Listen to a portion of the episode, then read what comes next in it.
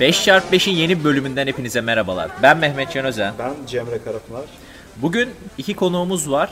Doktor adayı Oğuzhan Şal ve abi bodybuilder diye mi tanıtayım seni? Olur. Ahmet Zamanis. Ee, kendisi İtalya'dan geldi. Evet. Bugün biraz karanlık konulara değineceğiz. Covid'i etki, İtalya'daki etkileri, Rich Piana'nın ölümü ve diğer birçok ucu açık kalmış soruların yanıtını arayacağız. Kadir Mısıroğlu'yu da buradan. Popcorn. Olsaydı onu da davet edecektik ama maalesef vefat etti. Ee, abi senin ekleyeceğin bir şey var mı girmeden bu konularla alakalı? Yoksa hemen konuklarımızı tanıtalım. Konuklarımızı tanıtalım bence. Oğuzhan kendinden bahsedebilir misin? Şu an sınava hazırlanıyorsun. Bahsedeyim. Ben Oğuzhan Şal, e, Koç Üniversitesi Tıp Fakültesi 2020 mezunuyum. Önümüzdeki Ekim'de, 4 Ekim'de TUS'a gireceğim. Şu an aklımda uzmanlık olarak üroloji, genel cerrahi var. Antrenmanlar şimdi antrenman geçmişimden bahsedeyim. Biraz antrenman, madem spor kanalı, antrenman geçmişimden bahsedeyim. E, yani geçmişte tekvando yaptım. Siyah kuşağa kadar tekvando yaptım. Sonrasında bıraktım sınav yüzünden. Sonra biraz ağırlık kaldırdım. Biraz güçlenmek, fit gözükmek için. Sonra 2000, 2013 gibi üniversite tekrar girdiğimde tekrar ağırlık kaldırmaya başladım. Ee, orada Cemre ile, Ahmet'le, Fatih'le, şu anki arkadaşlarımla tanıştım. Ee, şu an biraz ara vermiş gözüküyorum. Ama formum yerinde hala. Yani çift plaka bench yapabilirim. Ah- Ahmet. Bana gelirsek Ahmet Zamanis, Oğuzhan'la hem ortaokul arkadaşıyız hem de ben de Koç Üniversitesi'nden mezunum. 2017'de işletmeden mezun oldum. Son iki yılda İtalya'da Milano'da Bocconi Üniversitesi'nde International Management Master yaptım. O da aslında bir nevi işletme. Spor geçmişime gelirsek 2013'e kadar 18 yaşıma kadar pek spor yaptığım söylenemez. Küçükken biraz yüzmüştüm, biraz basket oynamıştım ama hiçbir zaman ciddiye binmemişti. 2013'te ağırlık çalışmaya başladım. Biraz yapar bırakır diye düşünüyordum. Çok sevdim. Powerlifting odaklı başladım. 2014-2015 gibi Oğuzhan vas- vasıtasıyla Cemre ile Fatih ile Fırat'la tanıştık. Powerlifting odaklı birkaç yıl çalıştım. Bayağı güçlendim. Çok fazla kaslanmadım ve bunu değiştirmem gerektiğini düşünerek son 2-3 yılda bodybuilding odaklı, daha yüksek hacim odaklı çalışmalar yapmaya başladım. Fizik olarak da hani tatmin olduğum bir noktaya gelince dövüş veya halter gibi alanlara yönelmeyi düşünüyorum hobi olarak. Böyle. Ben Oğuzhan'la nasıl tanıştığımızı anlatayım. Şu an aklıma geldi de. Bizim okulun Batı kampüsü vardı. Oranın spor salonundaydım. Antrenman yapıyordum. Ne yaptığımı hatırlamıyorum ama sanırım bir üst vücut antrenmanı yapıyordum. Sonra çok sesli konuşan, herkese sataşan biri vardı salonda. Çok dışa dönük bir arkadaş. Belli oluyordu zaten. Hafif böyle rahatsız olmuştum. Sonra geldi bana bir laf attı. Ay, laf gibi hatırlıyor dedim. Lafı hatırlamıyorum ama böyle olumlu bir şeydi. Ha, iyi Beni çok beğendiğine dair, kuvvetli olduğuma dair bir şey söylemiş. ben lavuk falan Beğen- değilim. Beğendiğini parantez içinde şey yapalım. Oğuzhan'ın çılgın singlet dönemleri. Şey Old school bodybuilder dönemleri değil mi? Evet. 1968 Kaliforniya'dan. Hakikaten o tip giyiniyordu. Bir kolsuz vardı üzerinde.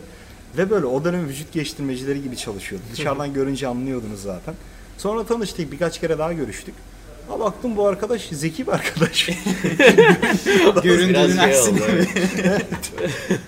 Sonra beraber antrenman yapmaya başladık. Tabii tıp öğrencisi olduğunu öğrendim. Arkadaşlığımız öyle gelişti. Sonra o dönemden beri arkadaşız. Ahmet'le de sanırım Fırat vasıtasıyla tanışmıştık. Ben öyle hatırlıyorum. Büyük ihtimalle Oğuzhan veya Fırat. Evet.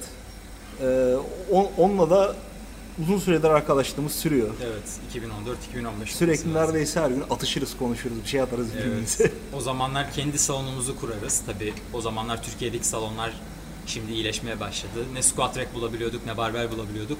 Kendi salonumuzu kurarız, rahat rahat çalışırız hayallerimiz vardı. Bir nevi gerçek olmuş oldu. O bayağı güzel. Evet yani okulun spor salonunda bir tane squat rack vardı. Ve ben ilk squat yaptığımda orada insanlar çok garip bakıyordu bana. Burası biceps değil mi abi? evet. Yani kör, kör rack'i değil mi burası diye bakıyorlardı adeta. Ama sonra böyle bunu yapan arkadaşlar da görünce çok hoşuma gitmişti. Ben, Bana- sana, ben sana daha kötüsünü söyleyeyim mi? Neymiş? Cemre'yi yakinen tanıyanlar bilir. Cemre böyle detay detaylara dikkat eden bir insandır. Yani çalıştığı ortamın yerindeki şeye kadar, neme kadar dikkat eden bir adamdır. Ya en en azından benim gözlemim öyle. Ee, şeyde o Koç Üniversitesi ana kampüste de bu kauçuk yere benzer bir şey vardı ve düzenli olarak Cemre her antrenman, bacak antrenmanı yapacağında, her squat yapacağında oranın yeri temizleniyordu.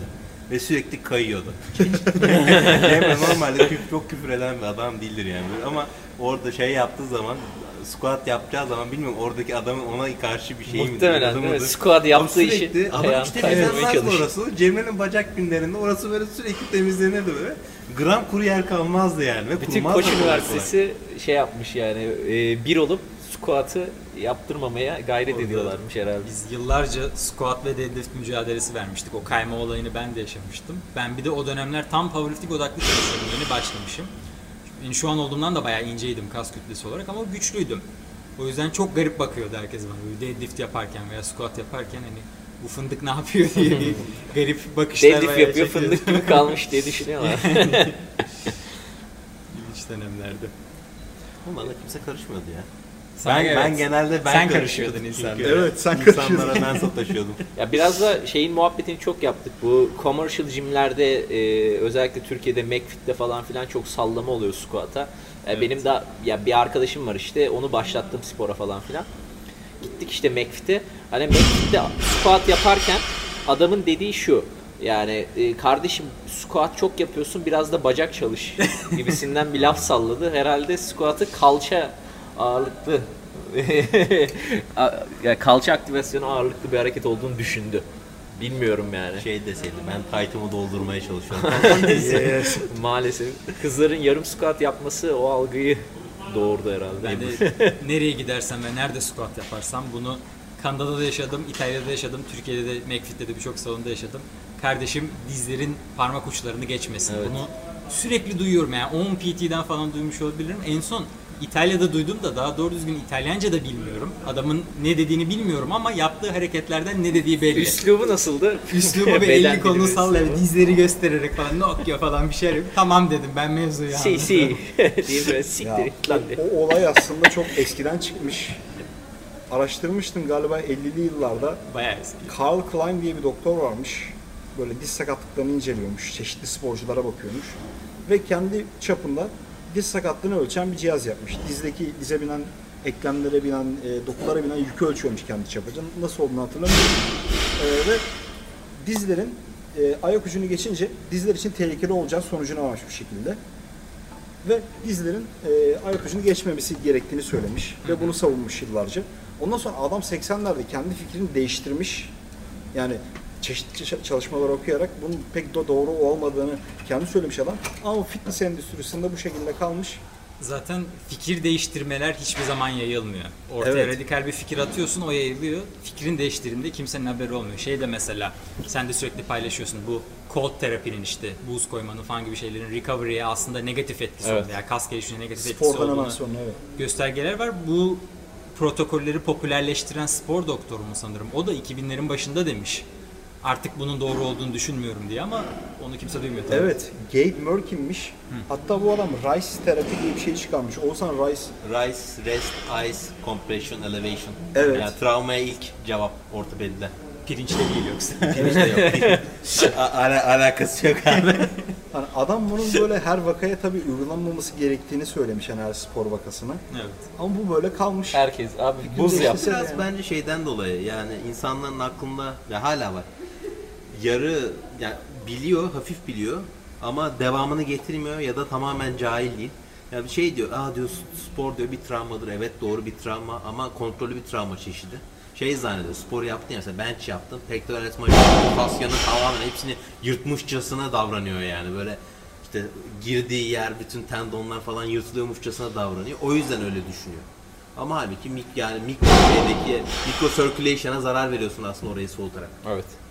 Yani aslında o... İnflamasyon olması gerekirken Evet. inflamasyonu Aynen. önlemeye Ben çalışıyorlar. de onu diyecektim. Olması gerekiyorsa. Evet. Ama bazı ameliyatlarda vesaire yani o enflamasyonu düşürmek gerekiyor değil mi? Ya var kontrol Yani şimdi yapman gerekiyor. bir total total kalça replasmanıyla ya da omuz replasmanıyla proteziyle şey bir değil. Yani bura, işte hammer curl yaptın brachioradial diğer tendonunda hafif bir ağrı oldu. Doms var abi yani. buz yapayım gibi. Doms'la aynı değil. Değil, bir değil. yandan şey var yani enfek bir yandan olabilecek bir enfeksiyon odağın var. Ona göre bir tedbir alıyorsun. Evet. Bir yandan da kendi kontrolünle yaptığın bir e, enflamasyon kaskadını kontrol altına almaya çalışıyorsun. İnsanlar bunu karıştırıyorlar galiba. Evet. Ama hiç yoktan iyidir. Yine en azından okuyorlar. Bir, bir kısım insan okuyor ve şey yapıyor. Ya şuradan Şey, enflamasyon demiştik. İki sene önce sanırım bir araştırma görmüştüm. Oğuzhan tabi bunu aslında daha iyi bilir. Yine kas gelişimi ve enflamasyon hakkında. Tam hatırlamıyorum araştırmanın detaylarını. İki tane grup aynı programla antrenman yapıyorlar. Gruplardan bir tanesi antrenmandan hemen önce veya hemen sonra antrenmana yakın zamanlarda yüksek dozlarda C vitamini veriyorlar. 1000 mg olması lazım.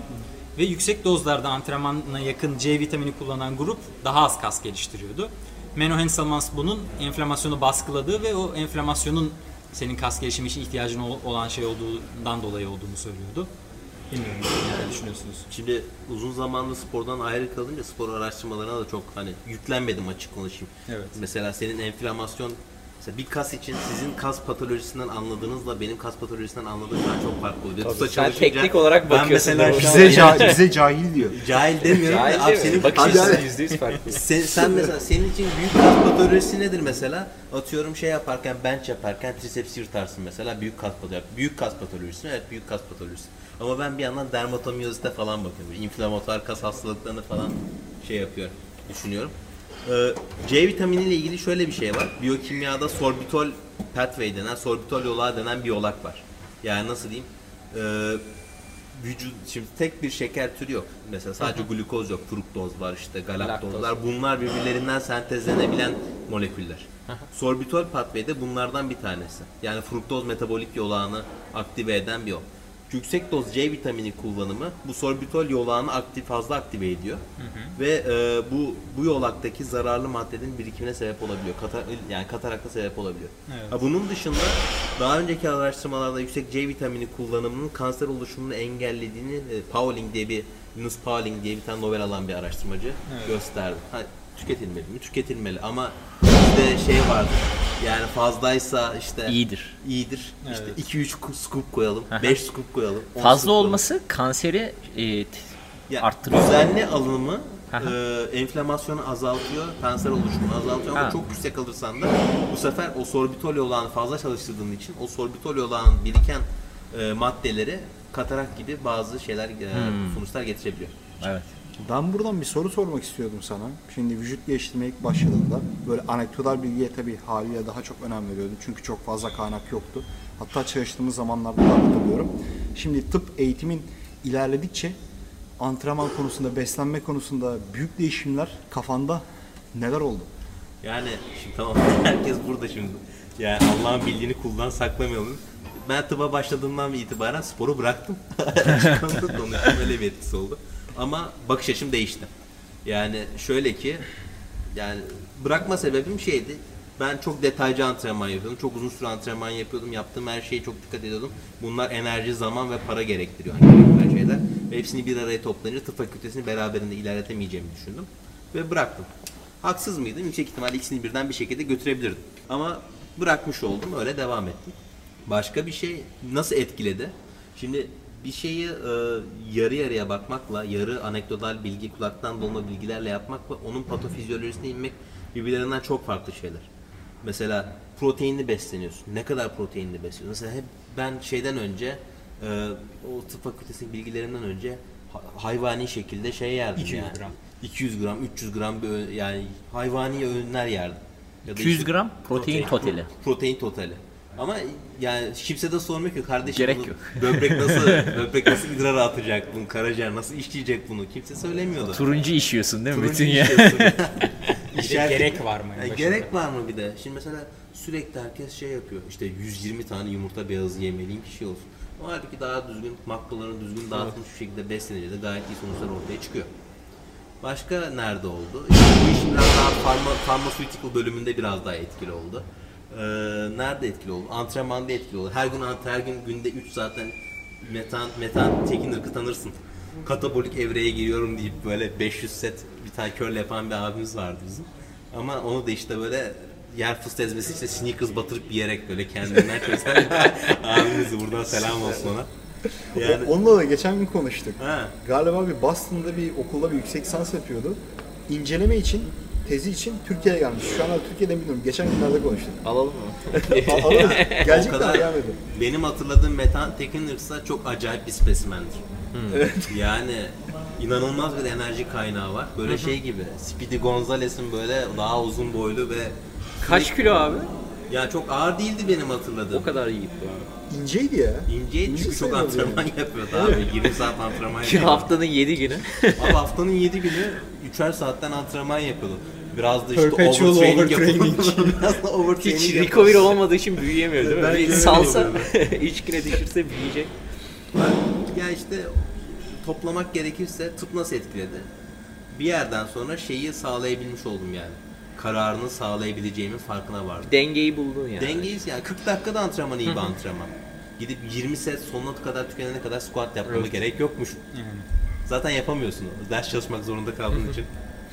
İsterseniz benim antrenman perspektifin değişiminden de bahsedebilirim. Şimdi herkes spora ağırlık çalışmaya başlarken Türkiye'de en azından işte McFit gibi bir salona gidiyor işte biceps, karın falan gibi hani bro rutinleri dediğimiz şeylerle başlıyor. Ben de tam tersi oldu. Ben internetin güdümüyle başladığım için ismini vermek istemediğim göbekli Teksaslı bir powerlifter beni sürekli günde 3 gün squat yapacaksın, curl yapmayacaksın mantalitesine. Düşük Günde 3 volüm. gün squat. Haftada. Haftada 3 Haftada üç gün. tamam. Me- Ahmet'i düzelttim o powerlifter değil.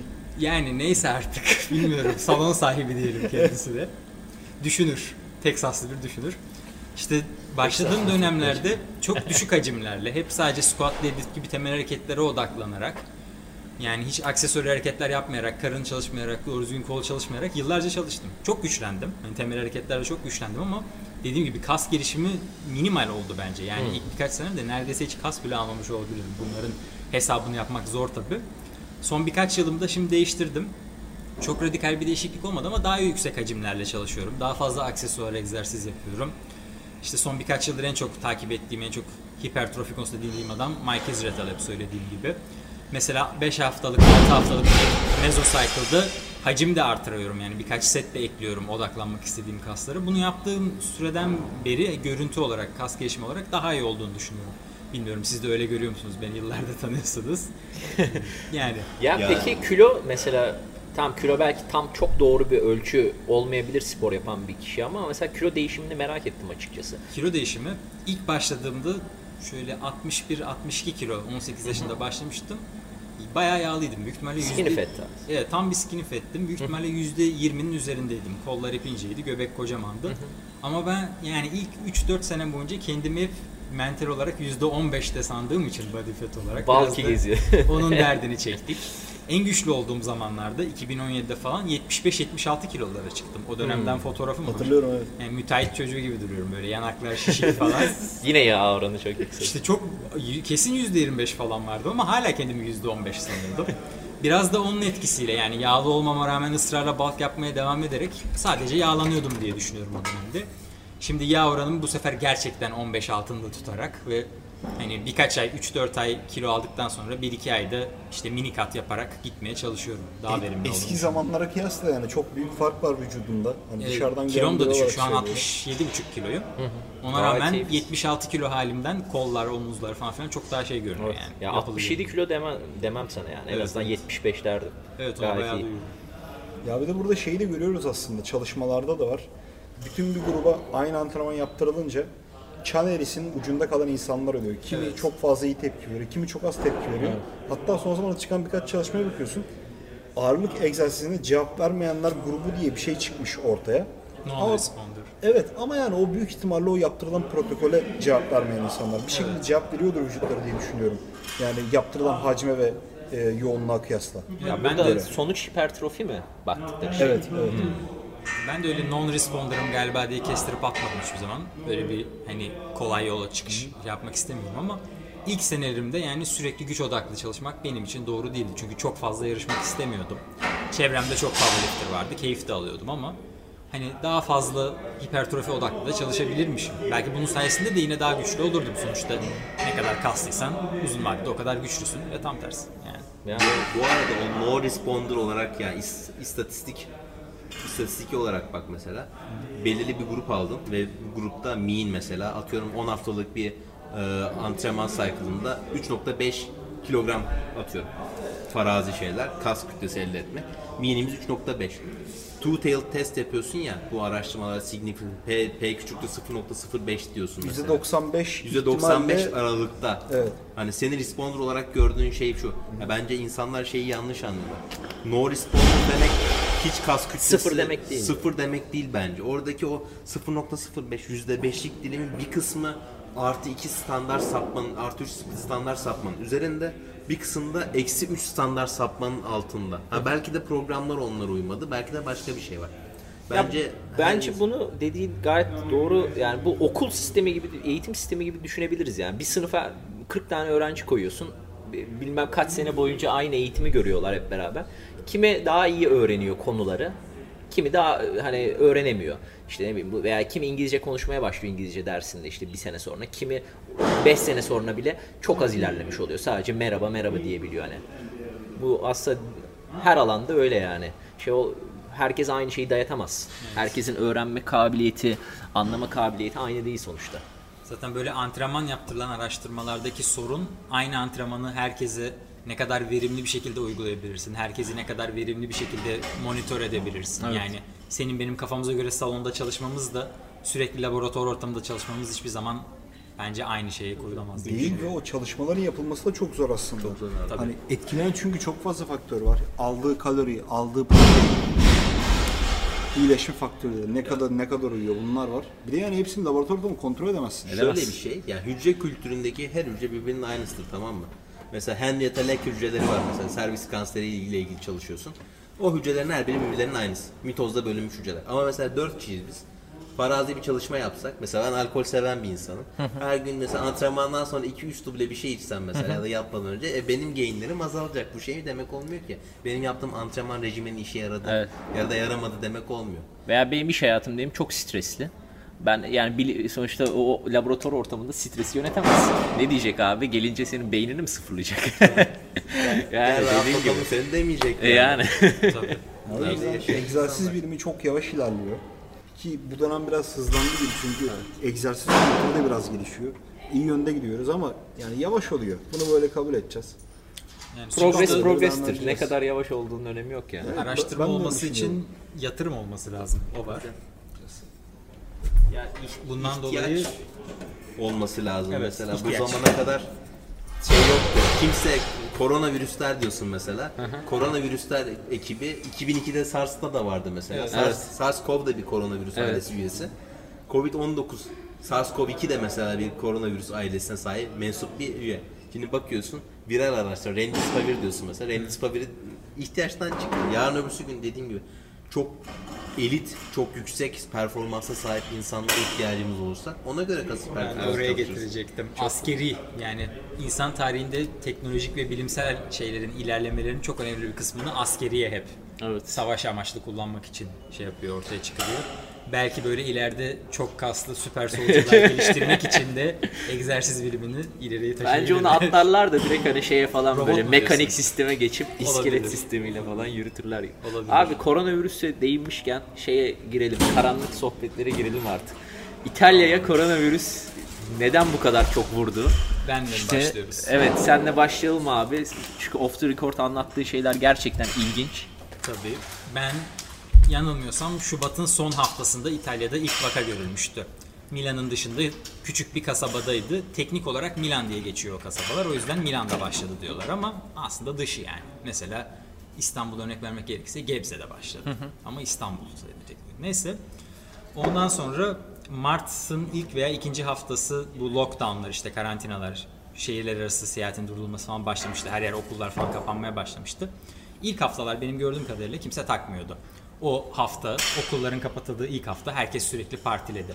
Benim Milan'daki evim merkeziyle böyle barlar sokağı tarzı bir yerdeydi. Bir de zemin kattaydı. Ya hangi ay olduğunu söyleyebilir misin? Mart'ın ilk haftası bu bahsettiğim. Tamam. Ve sürekli camımın dibinden o hafta sarhoşlar, parti yapanlar, bağıranlar, çağıranlar geçiyor. İlk başta kimsenin umurunda değildi. Ondan sonra Mart'ta tabii bu işin çözülmeyeceğini anladılar. Yani aylar süreceğini anladılar. Daha ağır şeyler, daha ağır yaptırımlar diyelim. Nisan'ın ilk ve ikinci haftası gelmiş olması lazım. Burada şundan bahsetmek istiyorum. Tabii Kuzey İtalya'da ağırlıklı koronavirüs vakası görüldü. Herkes en çok Milan'da olduğunu düşünüyor ama Milan'a bir saat uzaklıkta, araçla bir saat uzaklıkta Bergamo diye bir kent var. Yaklaşık 200 bin nüfuslu. En ağır Bergamo'da geçti. Bildiğim kadarıyla en çok hani kişi başına ölüm de Bergamo'da oldu. Bergamo'da havaalanı var. Milan'ın 3 havaalanı var. Birisi Milan'ın içinde, diğer ikisi Milan'a birer saatte uzaklıkta. Bergamo'da bu low cost hava yollarının olduğu, dolayısıyla yani şeyde Lombardiya'da yaşayan Çin vatandaşı olan veya Çin- İtalyan vatandaşı olan Çin asıllı vatandaşların Çin'e gidip geldiği havaalanı Bergamo. Benim duyduğuma göre de Lombardiya bölgesinde ve özellikle Bergamo bölgesinde yaklaşık 100 bin tane bu lüks tekstil firmalarının çalıştırdığı kaçak Çinli işçiler var. Önemli bir kısmı Wuhan bölgesinden. Diyorlardı ki bunlar ilk salgın Wuhan'da başladığında artık Ocak mı oluyor? Ocak Kasım değil. oluyor? Ee, şöyle Dünya Sağlık Örgütü'ne 5 ay daha geç haber vermişler. İşte şu an Çin hükümeti falan suçlanıyor. Muhtemelen e, sonbaharın başları İşte göre. bu esnada o Wuhan'dan Eylül gelen falan. Wuhan'dan gelen işçiler, Çinli işçiler İtalya'ya, Lombardiya'ya, Wuhan'a gelip gidiyorlardı. Onlar sayesinde çok yayıldı diye düşünceler var. Milan'ın merkezinde benim bulunduğum yerde Temmuz'un ikisine kadar Milan'ın merkezinde bulundum. Aslında çok fazla sorun yoktu. Marketlerde sırada bekliyorduk. Sokaklarda polis çok gezdirmiyordu ilk başlarda. Mayıs sonlarına doğru zayıflamaya başladı. Mekanlar, restoranlar falan açılmaya başladı. Barlar açılmaya başladı. İnsanlar sokaklara çıkmaya başladı. Bizim yakın bir calisthenics parkımız vardı. Ben orada barfix çekebilmek için 3 defa İtalyan polisi, polisiyle papaz oldum. Böyle U çekip gelip beni durduruyor falan. Ondan sonra Haziran'da bayağı rahatladı gibi. Haziran'da herkes normal dışarı çıkmaya başladı. Tabii yine maskelere falan dikkat ederek, sosyal mesafeye dikkat ederek ama çok fazla şey şehirler arasında da kısıtlama kalmamıştı. Ben 1 Haziran'da aldığım bileti 5 defa erteleyerek 2 Temmuz'da en sonunda Türkiye'ye döndüm. Öyle yani deneyimim. Peki abi e, Bergamo İtalya'nın kuzeyinde Kuzeyinde Milan'a bir saat uzak. kalıyor dedin. E, bu güneye gitme olmuş falan. İnsanlar kuzeyde hani durumlar böyle biraz daha şey olunca nasıl diyeyim alevlenince sanırım güneye gitmişler. O şey olmuştur. En ağır yaptırımlar Nisan'da geldi aslında Aha. veya Mart sonunda. Mart'ın ilk birkaç haftası herkes şeyine kaçmıştır. İtalya'daki evine kaçmıştır. Milan'dan Milanlı olmayanlar. Aynı zamanda benim yabancı öğrenci arkadaşlarım da hemen uçaklara atlayıp kaçtılar çok para vererek. Ben dönmek istemedim. Çünkü bir yandan çok pahalı olacağını biliyordum. Bir yandan da açıkçası ben yaza kadar süreceğini düşünmüyordum. Orada ben de yanıldım. Benim normalde son semestrde tek yapacağım şey tez yazmaktı. Hani Mayıs'a doğru bu iş düzelir. Ben yine burada arkadaşlarımla takılır, tezimi yaparım, hocalarımla görüşürüm diye düşünüyordum. Benim antrenman açısından hayatımın en güzel 3 ayı olacaktı 3 ay. Yani çok temiz bir balk yapacaktım. Ders yok bir şey yok. Yalan oldu. Ama kaçanlar kaçtı. Karantina uçuşlarıyla dönmek istemedim. Türklere Milan'dan ve sanırım Çok İtalyan pahalıydı sanırım biletler. Türk Hava Yolları'nın Evet. verdiği fiyat. Mart'ta ve Nisan'da yaptılar. Hem çok pahalıydı hem de tabii dönüşte 15 gün yurtta karantinaya alındı Evet. insanlar. Ben kumarımı oynarım dedim. Normal bir şekilde dönerim. Haziran'da döneceğimi umut ediyordum. Temmuz'da döndüm ama Karantina süreci oldu mu döndüğünde? olmadı. O karantinayı Haziran'ın başında bitirdiler yanılmıyorsam. Oradan kurtarmış oldum. Öyle. Orada sonra paranın üstüne de çöktüler. İtalyan yetkililere buradan seslenelim. Dove Vivo arkadaşlar eğer İtalya'da ev tutacaksanız Dove Vivo isimli ajanstan ölseniz de ev tutmayın sokakta kalın. Bu kadarını söyleyelim konu dışına çok çıkmıyordum. Tamam. Oğuzhan sen koronavirüs zamanı neredeydin? Koronavirüs zamanı ben çalışıyordum. İnternlüğümü yapıyordum. Ee, şimdi galiba ilk çıktığında şimdi olayı en kasete en başına sar- sararak başlamamız lazım. İlk çıktığı zaman Wuhan'da balık pazarından çıkıyordu. Evet. Aralık, Kasım, Aralık gibi çıkıyorlar. Yani 2019'da ilk vakalar o zaman Bize söylenen çıkmaya başladı. vakalar. E, Bize ilk söylenenler yani Çin biraz kapalı kutudur. bu Biraz konuda. Eylül başı gibi çünkü şey yapıyor proje yani projeksiyona bakınca sanırım Eylül başıymış.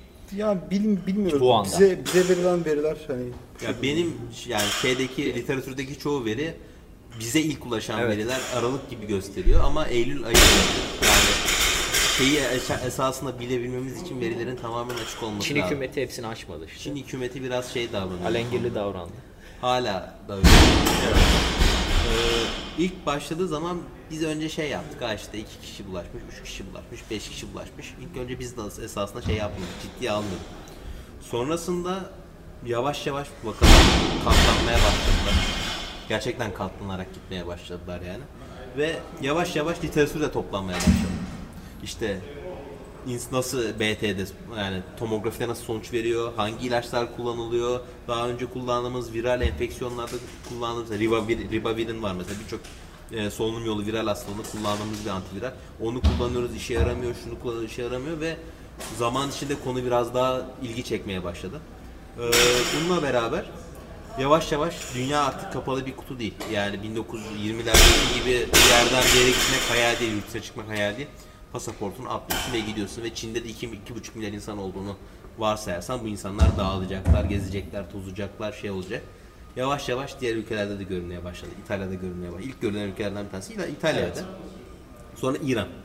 Ya açıkçası benim kendi adıma şeyi reaksiyonu koparma noktam İran'da gözükmesiyle oldu. Çünkü Türkiye her tarafını yani dört tarafı yabancı ülkelerle çevrili. Normal bir olağan bir ülke yani. ve sürekli giriş çıkışlar oluyor, şey oluyor ve çok açıkçası bu konuda biraz denetimsiz davrandık ilk başlarda. Ve insanlar yani öksürüyordu abi. Ben metrobüse biniyordum yani. Öksürüyordu insanlar. Ve ben İran'da ilk vaka çıktıktan sonra poliklinikten çıkarken ya da servisten nöbet ertesi mesela gideceğim. O aralar ana kampüste ve Rumeli Fener'inde de ders alıyordum. Metrobüse gidip gelmek zorundayım. Maskeyle çıkıyordum. Biliyordum çünkü yani her ne kadar gösteremesen de şey olmasa da vardı yani. Bu konularla ilgili genel prensibimiz şu olmalı. Virüsten daha hızlı davranmalısın. Yani acaba yavaşlıyor muyum dediğim noktada yavaş kalıyorsun demektir. Kısıtlamayı getirmek zorundasın demektir. Yani bu böyle davranılması. Şubat'ta şey ben Ocak sonunda e, havalimanında çalışmaya devam ediyordum işte oraya git gel yapıyorduk işte transferlerden dolayı. E, yani Ocak sonunda ve Şubat başında havalimanı personelinin neredeyse yüzde sekseni maske ve siperlik takıyordu. Daha ortada hiç şey yok yani. Bir uyarı veya tedbir yokken. Yani demek ki onlara da bir yerden istihbarat geliyor, şey geliyor. Yani Çin hükümetinin esasında yani yapması gereken şey bu virüsün insandan insana bulaşabilirliğini göstermesi ve bunu bildirmesi. Bunu yapmakta başarısız oldular. Yani bu virüs Covid yani SARS-CoV-2'den ya da işte Covid-19 ne dersen de isterseniz A'de B'de bunun hayvandan insana bulaştırıcılığının öldürülücü 100 kat fazla olsa bile insandan insana bulaş- bulaştırıcılığı daha önemli bir şey. Çünkü hepimiz günlük hayatımızda yarasa yemiyoruz. Evet. Ya da işte ne bileyim Pangolin. pangolin heh, o sırtı böyle Karınca yiyene benziyor. karınca yani. yiyen yemiyoruz. Egzotik hayvanlar ya da Böcek de ülkemizde yemiyoruz böyle. Egzotik hayvanlar yeme yasası yok yani. Midye en fazla.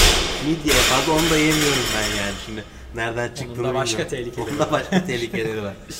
Bence böyle biraz yani şey davranıldı. Şöyle biraz komplo olabilir. Bilmiyorum Furkan da bahsetmiştir belki. Bu Wuhan'daki laboratuvarla ilgili şöyle bir iddia var. Kasım ortalarında orada çalışmaya başlayan sanırım yeni doktora mezunu genç bir araştırmacı var. Genç bir kız var Çinli.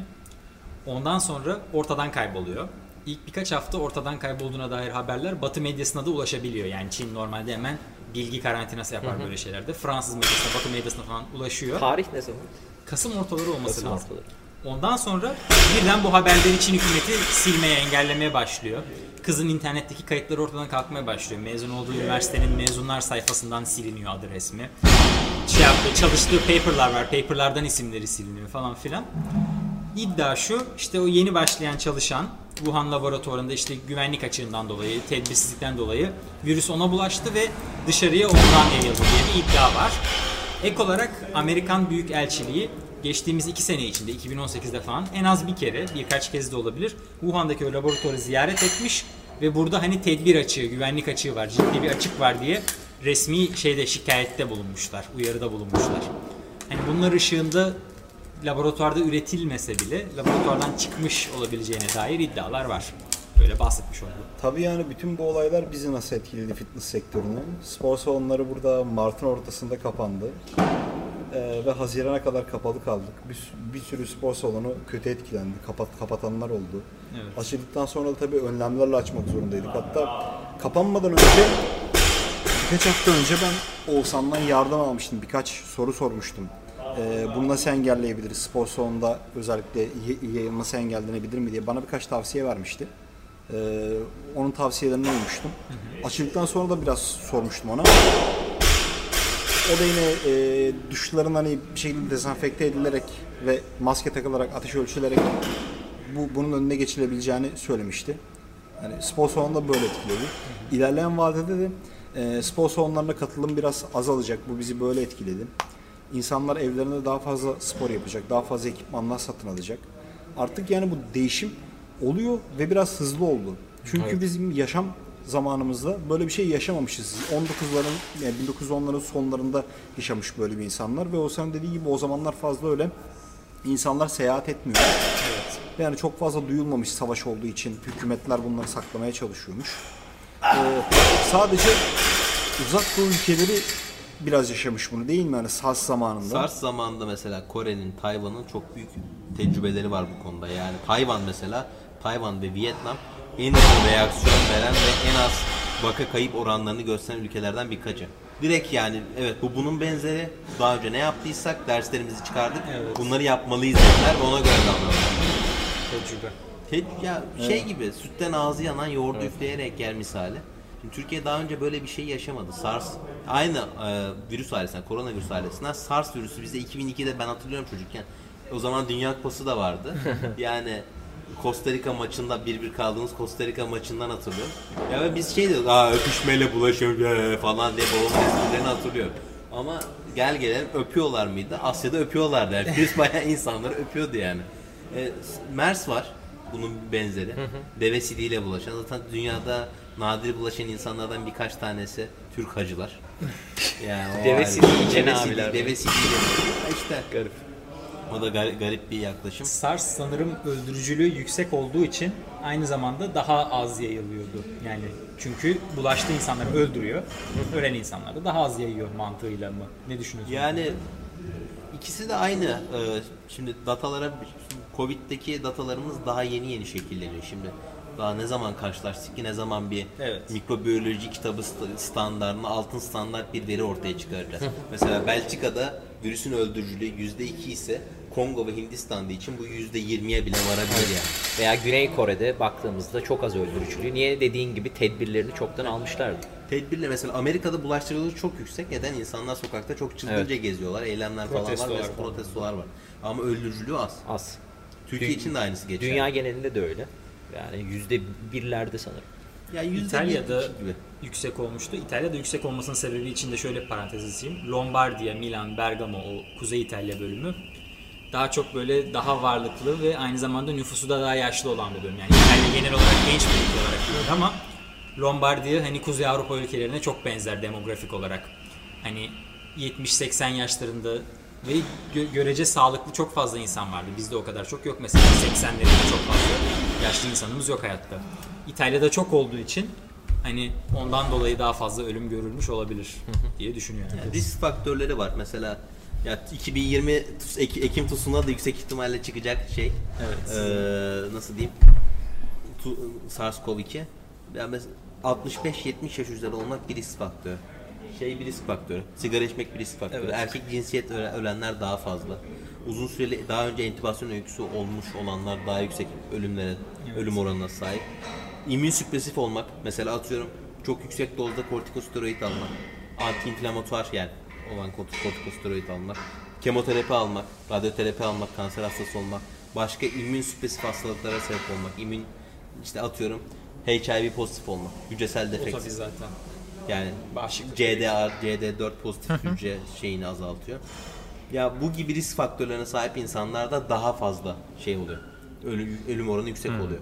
Ama genç, sağlıklı bireylerde daha rahat atlatıyorlar. Genel görüp genel, genel tablo bu yönde. Ama ölmüyor mu bu insanlar? 11 yaşında ölen hasta da var. Evet. Yani bizim hastanede mesela reşit olmayan hasta oldu mu oldu. Ge- Genelde biz şey davranıyoruz çocuklara bulaşmıyor falan. Parkta çocuklar oynuyorlar yani. Öyle. Yani onlara da bulaşıyor. Onlar da taşıyorlar. Dikkatli olmak lazım. Ee, bu konuyu aslında konuşacak daha çok şey var. Benim de soracağım bazı şeyler vardı ama bunu off the record konuşuruz. Yoksa çok uzayacak bu olay yani. Ee, şeye bağlayalım istiyorum. Sizin de daha hani olay olduğu zaman aranızda çok muhabbeti tartışması geçmiş bir konu. Rich Piana'nın ölümü. Biraz ucu açık. Yani otopsi raporunda incelerken söylediğin. Evet, kimle Spor, spor salonunda biz beraber antrenman yaparken çok fazla muhabbet ediyordu. Böyle Piano'nun bir YouTube kanalı vardı. Evet, Adam çok aktif hayatını kullanıyor. buradan veriyordu. ve böyle aşağı yukarı böyle biraz açık olduğu için, biraz dürüst olduğu için ve seviyorduk. Ve Evet. çok eğlendirici Pozitif değeri vardı. abiydi yani. Çok komikti adam. Bayağı güldürüyordu. Evet. Beni güldürüyordu. Kendi aramızda onun gibi konuşuyordu. God damn it falan diye. Five scoops a day. You're gonna do whatever it takes you fucking idiot. Sonra adam bir gün vefat etti. Hepimizin canı Çok sıkıldı ani. aslında. Çok evet. üzüldük. Ben çok de ani. Otopsisini okuyoruz böyle anlamaya çalışıyoruz neden olmuş vesaire diye. Sonra şimdi otopsisine bakıyoruz. Oğuzhan'dan biraz değerlendirmesini istedik bunu. Yani bir ekrana bakmam lazım tekrardan. Yani şimdi bu şey adli e, tarafını bilmediğim için çok fazla yorum yapmayacağım. Sadece e, kullanıma açık olan e, otopsi raporundan biraz okuyup şey yapmam lazım. E, şimdi has- Rich Piana'nın e, özellikle steroidler konusundaki açıklığını hepimiz iyi biliyoruz. Evet. Yani hatta bu yüzden ünlüydü. 17 yaşında kullanmaya 17 başlamış ne yaşında olduğunu kullanmaya bilmeden. başlamış.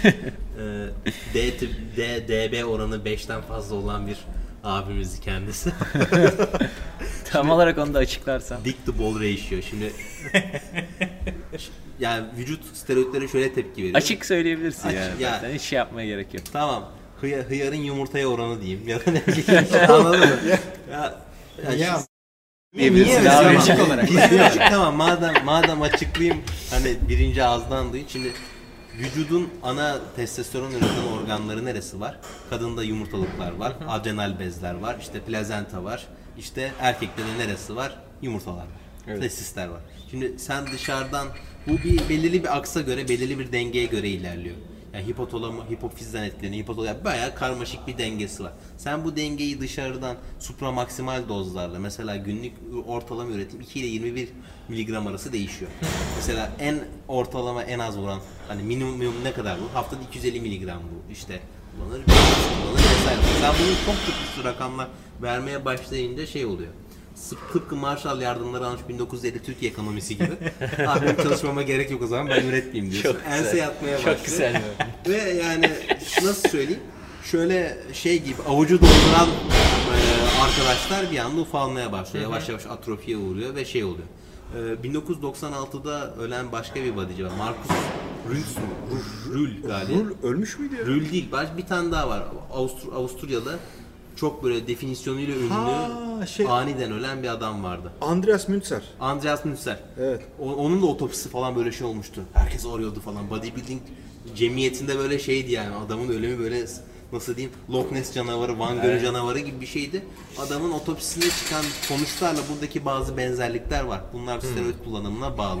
Sonuç olarak bunlar birer ilaç ve yani metabolize ediliyorlar ve belirli şeyleri var. Şimdi e, otopsi raporuna dönmek gerekirse 670 gram bir kalpten bahsediliyor. Bu e, normal şeyin 2-3 katı e, boyutta 2 ila 2 ila 3 katı e, ağırlığında bir kalpten bahsediyoruz.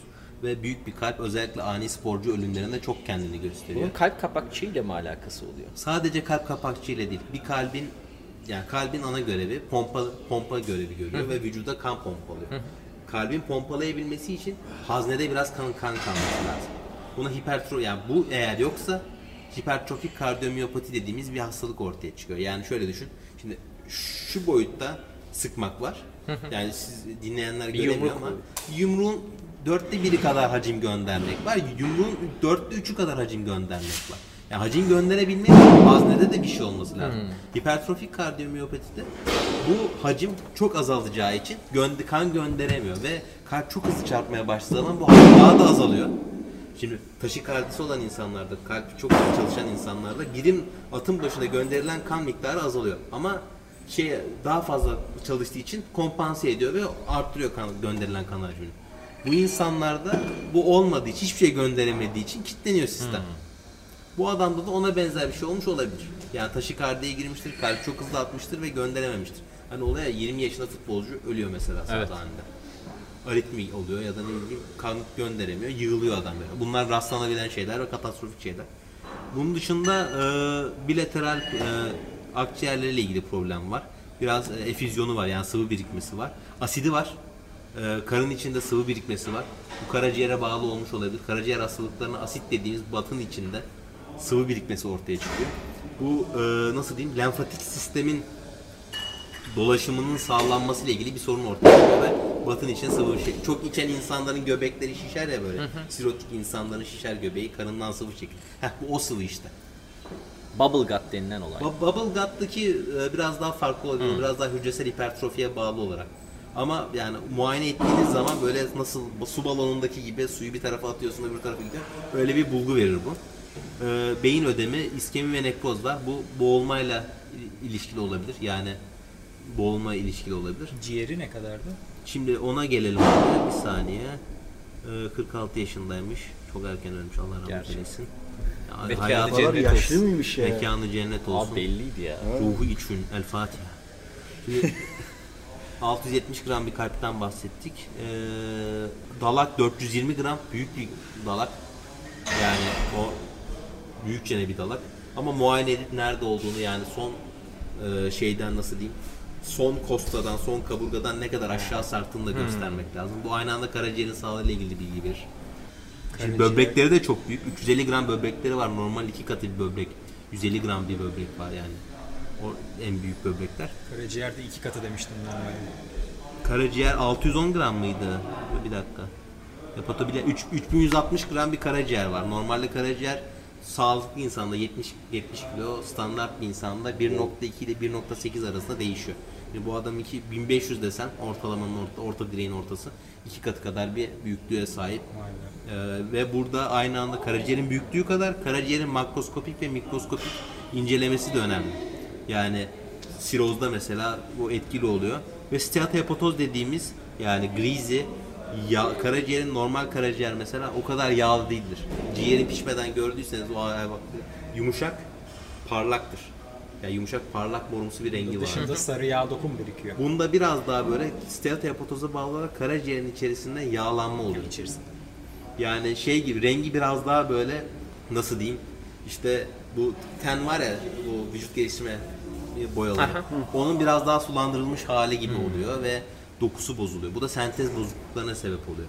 Bugünlerde zaten yani değişen bilgilerde e, kronik karaciğer rahatsızlıklarının en büyük sebebinin bu steatohepatoz karaciğer yağlanmasıyla bağlı olduğunu, bunun da en sık sebeplerinden bir tanesinin o obezite olduğu gösteriliyor Kolesterol. kolesterol, obezite, metabolik sendrom dediğimiz bir grup hastalığının içerisinde yer alıyor. Hepatobiliyer sistemden. Ya ama gross patolojide yani gross görüntüde, ilk görüntüde e, fibroz yok. Yani kronik bir enflamasyon, kronik bir yapım bozum siklusu yok. Siroz yok, ölü doku yok ya da herhangi bir kanser hücresine rastlanmamış. Ama daha ince e, Ben şeyde ilk bakmak öldüğünde lazım. şey diye duymuştum işte. Kokain kullanıyordu ve ondan dolayı bayılıyordu. Başını vuruyordu. Başını tezgaha veya işte sivri bir bir şey yere vurup öldüğü evet söylenmişti ilk başta. Tabii ne kadar doğru bilemeyiz. Tamamen iddia da olabilirdi. Yani şimdi şeyde mesela e, buradaki e, otopsi raporunda şeyden bahsetmiyor mesela dışarıdan bir darbe Travmadan bahsetmiyor. travmadan bahsetmiyor. Evet. External examination bölümünde baş boyun bölgesi incelemelerinde e, durada e, durada scalp'ta kalvaryumda yani kafatasında herhangi bir e, ve kafatası kafa, kafa kaidesinde herhangi bir gross patoloji gözlendiğini gözlem gözlemlememişler. Yani göz görmemişler. Ve e, biraz beyniyle ilgili şeyi var. E, beyni biraz düzleşmiş. Biraz meathead olmuş bir rahmetli hakkında böyle konuşmamak lazım. Ya, aşı- biraz daha açabilir misin Yani şeyi? meathead şeyi yani şimdi beyin dokusu kıvrımlı bir dokudur. Yani Evet. gross gross olarak genel görüntü olarak biraz daha cevize benzer gibi Evet. düşün. Hani Be- böyle açtığında aslında çok büyüktür gibi söylüyor. Yani nasıl diyeyim? Kıvrılarak. Girintileri ve çıkıntıları vardır. ve bu girinti çıkıntıların birbirlerine oranları önemlidir. Mesela Alzheimer hastalarında bu girinti çıkıntılar atrofiye uğrar yani küçülür. Nasıl? Mesela Ahmet'in kolunu kıralım mesela ve alçıya alalım. Bir süre sonra uzun süre sakatlık geçirmiş olanlar bilir. Daha zor hareket eder ve boyut olarak küçülür bunlar. Evet. Ve bu küçülmeye bağlı olarak aynısı burada da var. Alzheimer hastalarında nöronal küçülmeler ve şeyler oluyor. Ee, nasıl diyeyim? Bu beynin etli kısmı küçülüyor. Aradaki girintiler büyüyor. Yani boşluklar büyüyor. Ha. Onda da biraz bu olmuş olabilir. Anladım. Yeterince açıklayıcıydı gerçekten. Evet. Evet bayağı detaylı bir otopsi Eminim, raporu. e- evet verdik. eminim dinleyenler de yani takdir edecektir. Abi de performans arttırıcı ilaçlardan özellikle burada bahsettiğimiz anabolic steroidlerden bunların üzerine zevk için kullanılan, böyle keyif için kullanılan kokain gibi maddeler eklenince kötü etkiler ortaya çıkıyor. Bununla ilgili tam çalışma olduğunu bilmiyorum ama fakat zaten kozmetik amaçlarla antrenman yapan ve bu ilaçları kullanan insanlarda bu kokain vesaire maddelerin kullanımının da fazla olduğunu biliyoruz aslında. Evet. İkisini bir araya getirince risk daha da artıyor. Şimdi şöyle e, spor yapan insanlarda mesela Rich Piana'da 670 grama yakın bir kalpten bahsettik ve hipertrofik kardiyomiyopatiden bahsettik. Yani kalbin büyüyüp yeterli kanı birim birim kasılmada gönderemediğinden bahsettim. Çünkü kokain yapısı itibariyle adrenerjik bir ilaç yani damarları kasıyor ve kalp hızını arttırıyor. Hani şeyde e, hatırlarlar hatırlarlar belki. Aklınıza şey canlansın. E, Breaking Bad'de Tuco var ya eziyor, çekiyor, kendine geliyor, bir anda çıldırıyor. Onun vücuttaki genel hali gibi düşün. Ve genel bir tansiyon yüksekliği yapıyor kokain. Kokain overdose'undan ölen birçok insanda aynı anda beyin damarlarında e, int- intraparenkimal dediğimiz bölümlerde yani parenkim içi beynin içindeki damarlarda yırtılmalar ve kanamaya yani hipertansiyona bağlı kanamalar ortaya çıkıyor. Burada bu biraz etkili olabilir. Mesela Zizi'de de hani o da Evet. mübarek bir abimizdi. Ruhu şad olsun. Ruh kutlu tini şad olsun. Ee, onun da mesela böyle bir şey var. O da Tayland'da galiba bir sauna sırasında şey, aynı anda sıcaklıkla taşikardi yapar. Ee, kalp yetmezliğinden öldüğü, öldüğünü hatırlıyorum ben. Yanlış hatırlıyor Öyleydi olabilirim. öyleydi. Kokain stimulant değil mi? Stimüle, adrenerjik bir stimülan. Şöyle düşün. Sadece şimdi iki, iki sinapslar sinirleri şey gibi düşün. İki tane Biga ve e, şey Lapseki arasındaki ya da ne bileyim İstanbul'un iki boğazı arasındaki şey gibi düşün. Bir yerden bir yere gemiyi bırakıyorsunuz. Gemileri de şey düşün. Üzerinde kuru bakliyat olan adre- adrenalin ve noradrenalini kuru bakliyat gemilerindeki yük gibi düşün. Adrenalin sadece karşı taraftaki rıhtımları uyarmıyor. Aynı anda kuru bakliyat gemilerinin sayısını da arttırıyor. Kuru bakliyatların üzerindeki yükü de arttırıyor.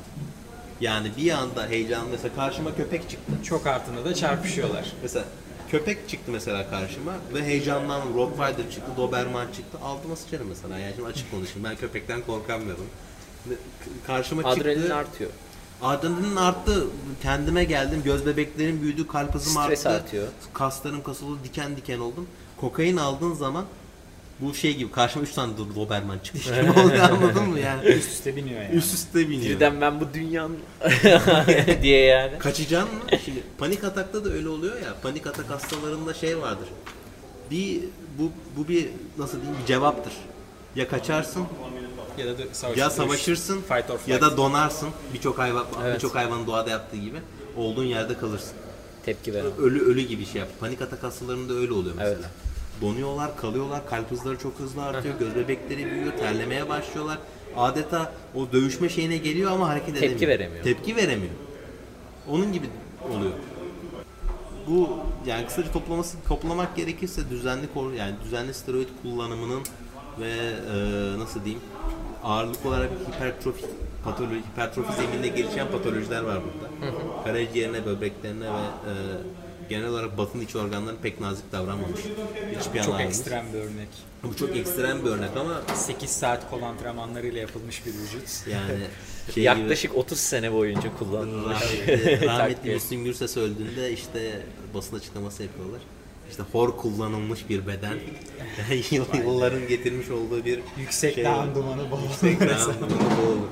Andreas Münzner işte bence Rich Piana'dan çok onun otopsi raporunun incelenip ibretlik gösterilmesi gerek gerekiyor. Ya ibretlikten bahs bahsın hani bunun böyle böyle getirileri var.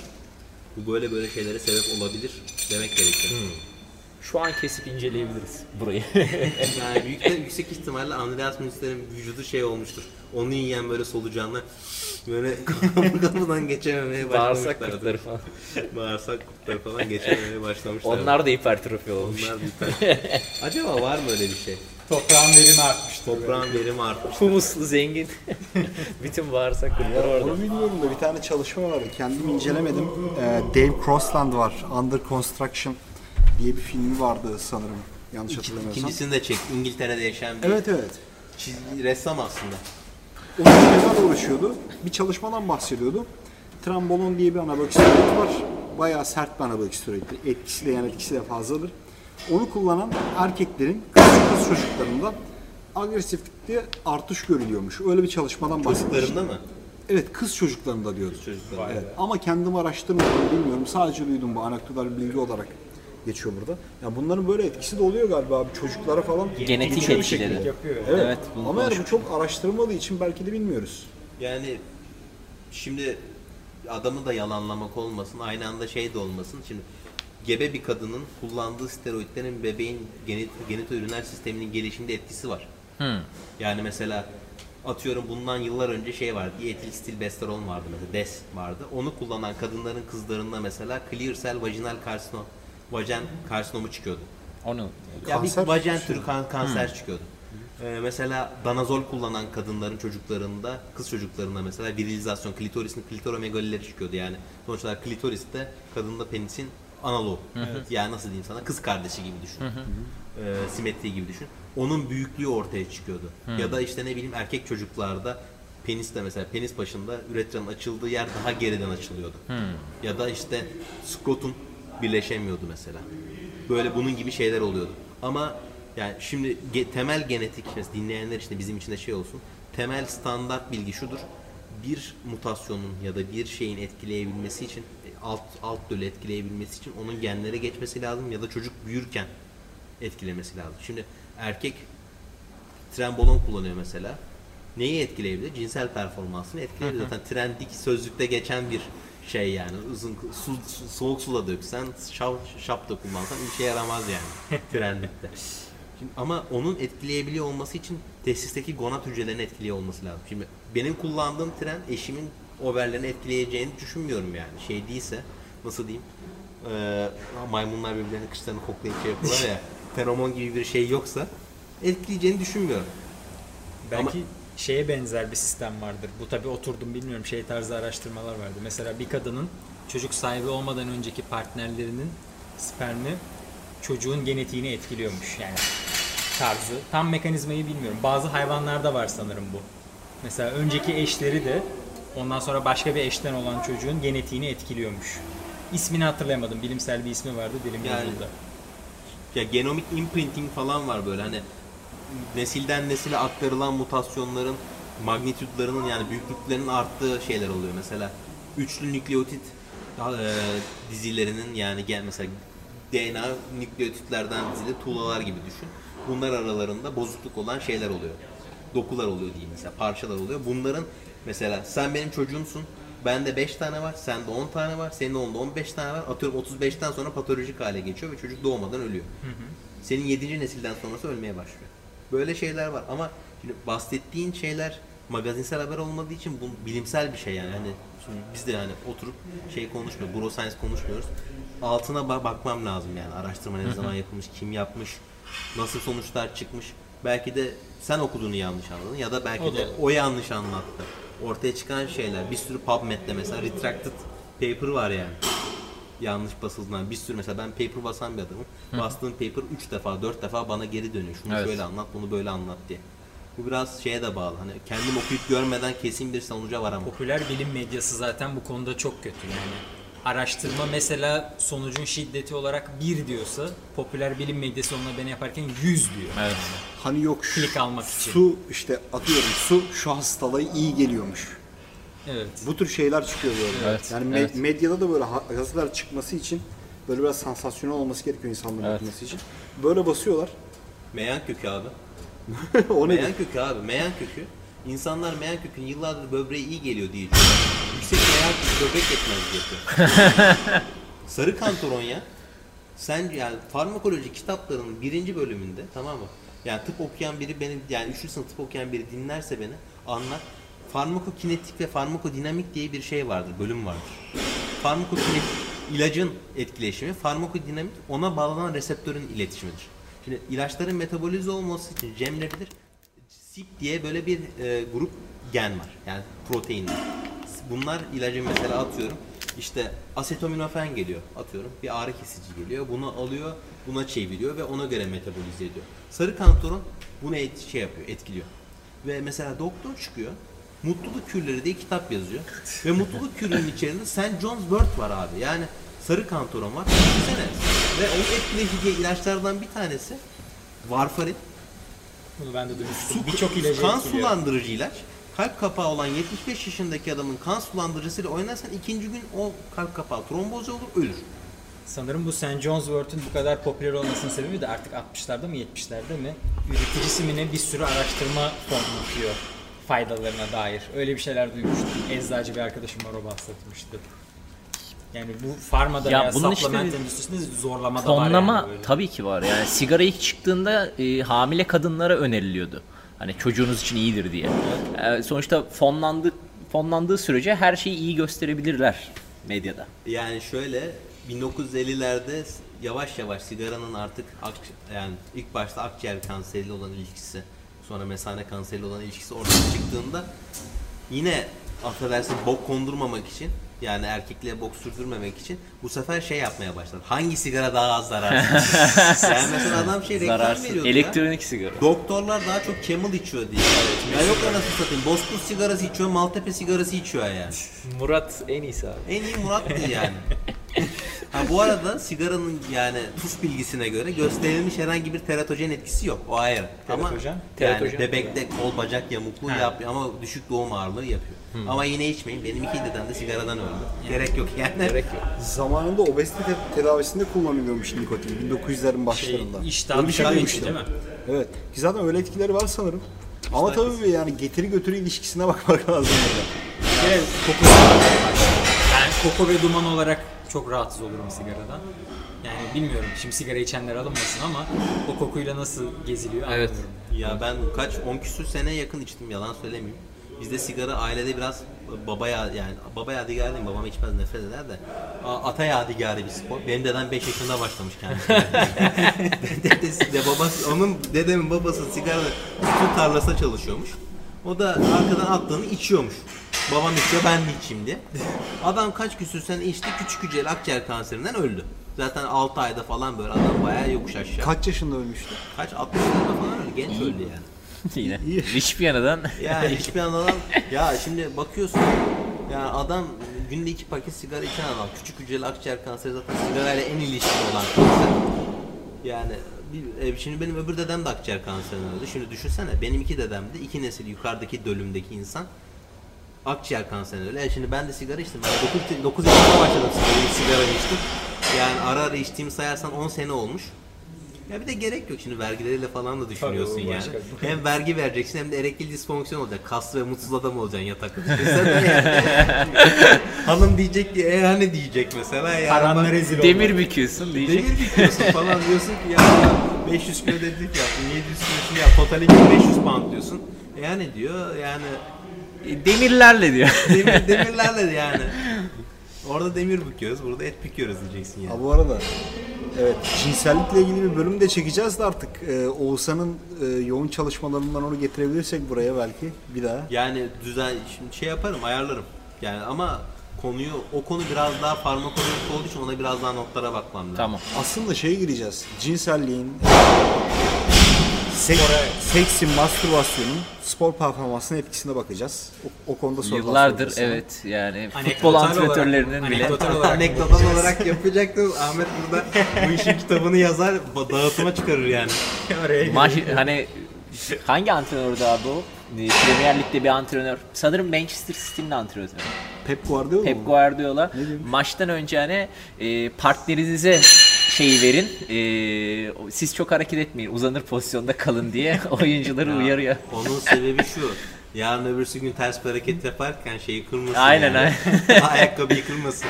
O zaman da başka Siz fazla fazla aksiyona girmeyin Abi diye. oyuncular o kadar salak şeylerden sakatlanıyor ki.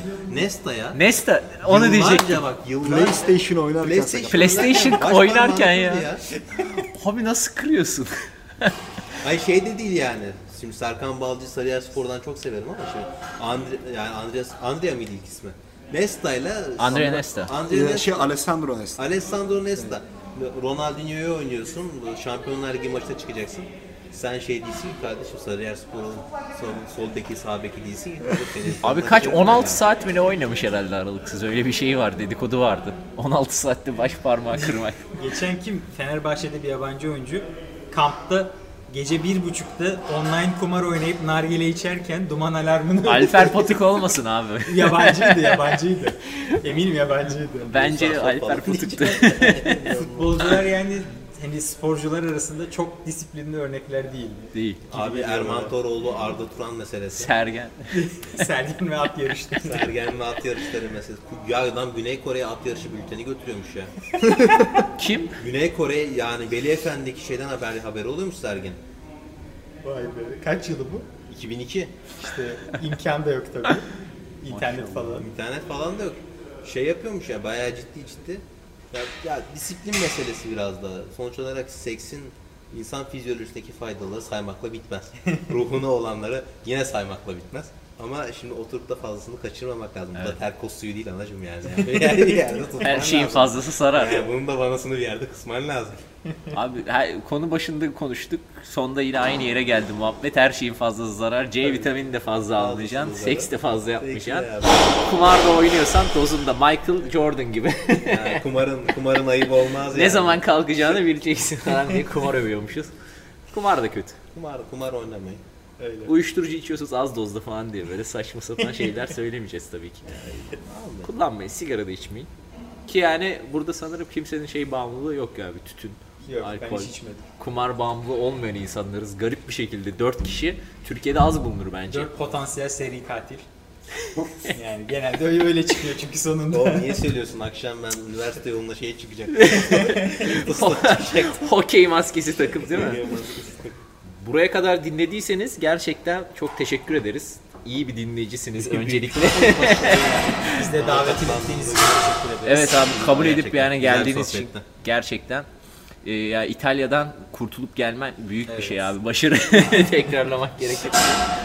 Kamboçya 1968. İkinize de ayrı ayrı teşekkür ediyoruz. Biz de teşekkür ederiz. Dinlediğiniz için teşekkürler tekrardan. Ee, bir sonraki bölüme kadar kendinize iyi bakın. Eğer fikirleriniz veya önerileriniz varsa da yazmayı unutmayın. Ben bakıyorum. Görüşmek üzere. Görüşmek üzere. Görüşmek üzere. Görüşmek üzere.